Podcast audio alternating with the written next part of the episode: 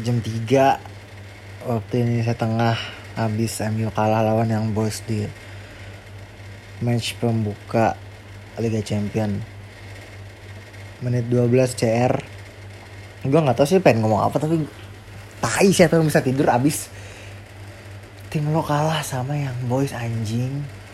Ya walaupun 10 pemain sih tapi ya kalah gitu. Ekspektasi gue ya udah seri gitu. Apalagi semenjak Bruno sama CR masuk. Ya udah terus gue pengen ngomongin ya bukan ekspektasi sih sebenarnya kayak apa ya bahasanya proyeksi atau gambaran MU maksudnya kalau gue jadi oleh tuh MU tuh pengen kayak gimana atau ya pokoknya tuh satu musim ke depan tuh MU bisa ngapain aja sih gitu loh. Gue nggak tahu dia pengen ngomong apa tapi uh, MU menurut gue yang tadi tuh yang tadi nggak usah dibahas lah ya emang unlucky aja dan gue akuin Lingard tolol tapi nggak pantas buat dihujat gitu loh. Kemarin ya udah lu sanjung-sanjung ngeliat Lingard Lingard apa tuh uh, nice comeback abis dipinjemin yang golin di partai pembuka. Nggak partai pembuka sih maksudnya ya semenjak ada CR gitu kan. Maksudnya di partai ketiga match keberapa sih kemarin? Ketiga kan ya? Eh nggak match keempat. Dan sekarang lo hujat gitu ya. Ya elah anjing. Segampang itu kah maksudnya ya udah ya. Pokoknya terserah lo pengen ngehujat tapi kalau gue ya gue nggak bukan orang yang gue nggak pengen ngehujat Lingard ya. Gue pengen semangat Lingard karena yang percaya yang pertama gue tetap percaya sama gue tetap percaya sama Lingard kalau dia tuh emang jago. Dan dua match yang pertama lo golin dan yang kedua lo blunder itu tuh nggak berhak buat lo ngejudge Lingard itu sebagai sosok yang buruk atau semacamnya gitu. Kecuali emang konsisten buat kesalahan yang fatal baru menurut gue undeserved buat di MU tapi ini baru satu blunder gitu dan semua orang bisa jadi kayak Lingard gitu. Ya udah terus itu cuma isi hati gue aja sih buat orang-orang yang ngejar Lingard gue nggak suka sama lo gitu. Karena ya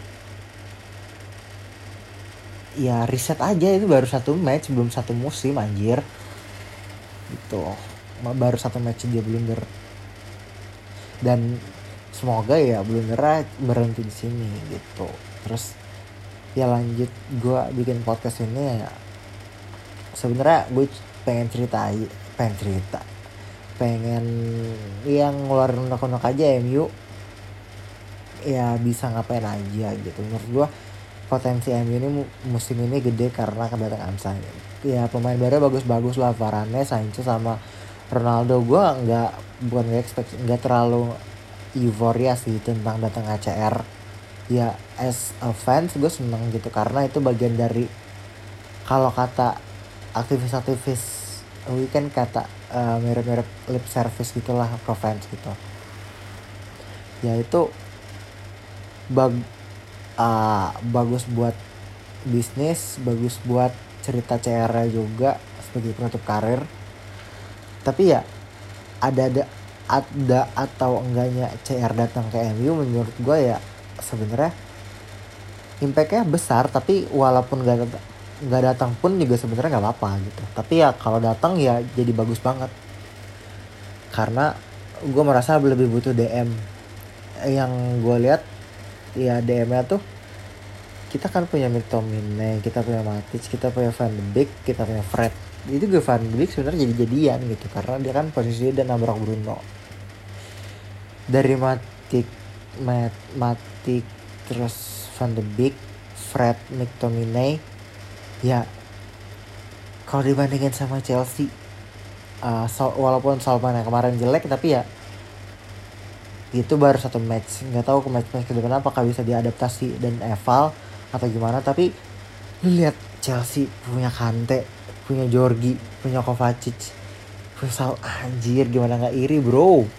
Gila lu dibandingin sama Fred headless chicken. Yang satu-satunya gue suka sama Fred itu adalah Wareta doang. Di lain itu pastinya sering salah. Dan ya bener-bener rock rate, walk rate-nya aja yang bisa bener yang bisa dibanggain dari Fred. Makanya alasan dia main sampai menit 90-an waktu lawan yang boys tadi adalah karena dia punya walk rate yang tinggi dan ketika dia diganti sama Martial di game tadi gue tuh bingung di saat game masih 5 menit itu tuh waktu-waktu krusial karena ya waktu-waktu krusial lalu ngeluarin pemain dengan walk rate tertinggi sama pemain termales gitu yang terkenal suka jogging gitu. Nggak ngerti. Dan ya itu dari segi DM dari segi center back gue suka suka aja sih. Lindelof Varane sama Maguire menurut gue udah paten dan satu lagi kalau di backup sama gue nggak tahu sih backup backupannya siapa tapi ya tiga terus Tunzebe itu Dilo Dilon ada siapa aja sih? Phil Jones.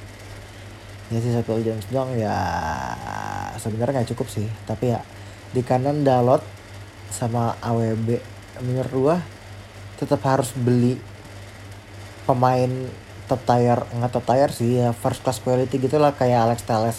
Alex Telles kan team of the season tuh musim lalunya. Dan ketika Alex Telles datang yang di ekspektasi awal gue itu Alex Telles jadi inti shownya step up kan. Nah menurut gue tuh butuh kayak ada roll roll kayak gitu di kanan. Dan Dalot itu menurut gue nggak bikin Wan Wisaka insecure dan bikin Wan Wisaka jadi improve gitu karena Wan Wisaka nggak punya saingan di kanan gitu. Dalot dan Wan Wisaka itu bener-bener dua material player yang berbeda gitu loh dan menurut gue kalau gue jadi Wan Wisaka gue nggak tersaingi dengan adanya Dalot gitu. Karena Dalot ya pertama sih nggak belum matang. Yang kedua ya bener-bener kayak komplimennya Wan Wisaka ya Wan Wisaka defense jago tapi nggak bisa attack. Uh, Dalot menurut gua attack jago overlap jago tapi nggak bisa defense udah gitu doang. Uh, bukan nggak bisa defense sih defense sosok gitu lah.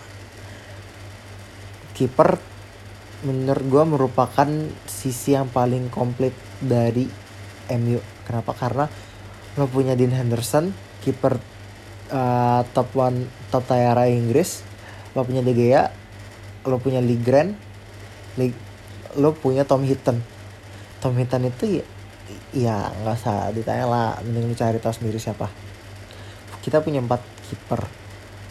Terus di kiri kita punya Teles sama Shaw menurut gue itu lebih dari cukup karena Teles jago banget.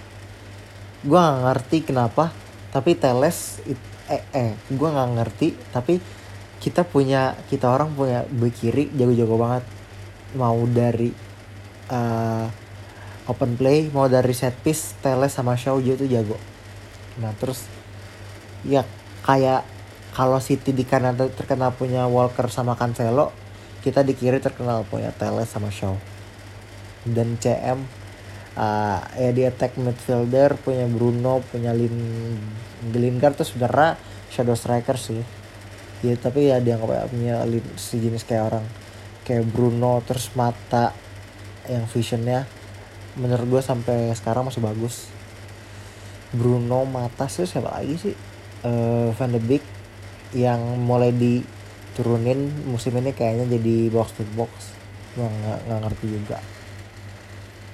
Terus di CR kita punya Cavani, Rashford, Greenwood, Sancho. Anjir tuh udah super super banget dari pandai punya CR punya Rashford punya Martial walaupun Martial kemarin off the bola Martial bagus loh dan sekarang ya gue nggak tahu pengen si Martial ini pengen jadi apaan gitu.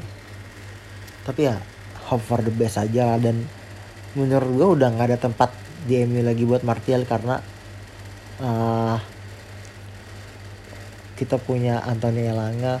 Terus duh, siapa lagi sih itu pemain baru yang musim lalu tapi jadi super sub? Gue lupa. Bukan jadi super sub. Ya pokoknya uh, aduh lupa gue yang kecil-kecil itu loh yang mirip Angel Gomez badannya ya ya pokoknya dia lah gue lupa namanya siapa. Nah terus nah ma- bicara soal Lingard gue dari awal musim tuh yakin si Lingard ini pengen dijadiin super sub. Entah kayak Fergie megang Ole atau mau megang Cicarito tapi setiap di zaman Fergie itu ia punya super sub gitu setiap eranya. Ya entah itu dari zamannya Ole setelah Ole kan eh, siapa sih? Lupa gua. Punya pu, kita punya Maceda punya Welbeck. Ya walaupun itu periodenya bentar-bentar tapi sampai akhirnya kita punya Owen kayak Cicarito terus 2013 tuh ya, ya pokoknya sampai terakhir yang bener-bener ngisi role super sub yang efektif itu menurut gue Cicarito yang hokinya bukan main. Dan menurut gue oleh yang dulunya dia pernah di posisi itu dan ngelihat Saf nge dia bis gue nggak punya gue nggak tahu apa yang terjadi di belakang layar ya tapi entah kenapa Lingard ini pengen dijadiin super sub sama Ole. Gue yakin banget. Uh, buktinya ya walaupun belum belum bisa dijadiin acuan tapi itu merupakan langkah awal yang besar gitu loh. Karena Lingard jadi ngegolin waktu dia di match lawan Newcastle. Di pertandingan pertandingan dicoba yang tertutup juga Lingard itu ngegolin gitu. Dan yang gue lihat adalah oleh sebagai manajer itu udah punya skema buat Lingard.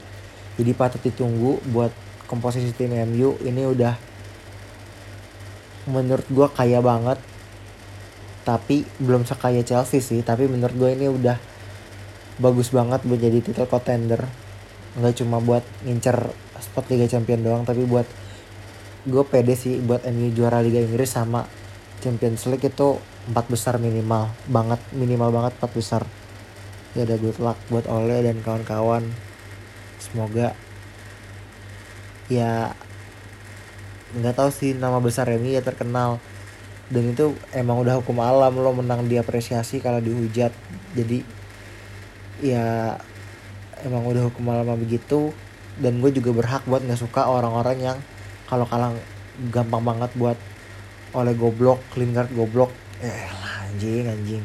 Kalau Fred emang goblok gitu karena emang dia sering main dari musim lalu dan nggak berubah-berubah gitu. Tapi ya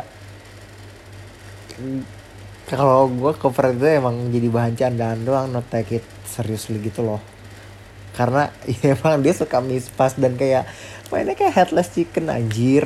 Dan ya but I love Fred with his walk rate gila itu high high kalau di FIFA attack defense nya gacor dah walk, uh, walk rate nya Fred. Gue suka. Pokoknya ya manfaatin player manfaatin player di tempat yang dia bisa gitu di role yang dia jago gitu. Udah menurut gue tuh main bola sesimpel itu gitu. Gitu ya lah gitu ya deh.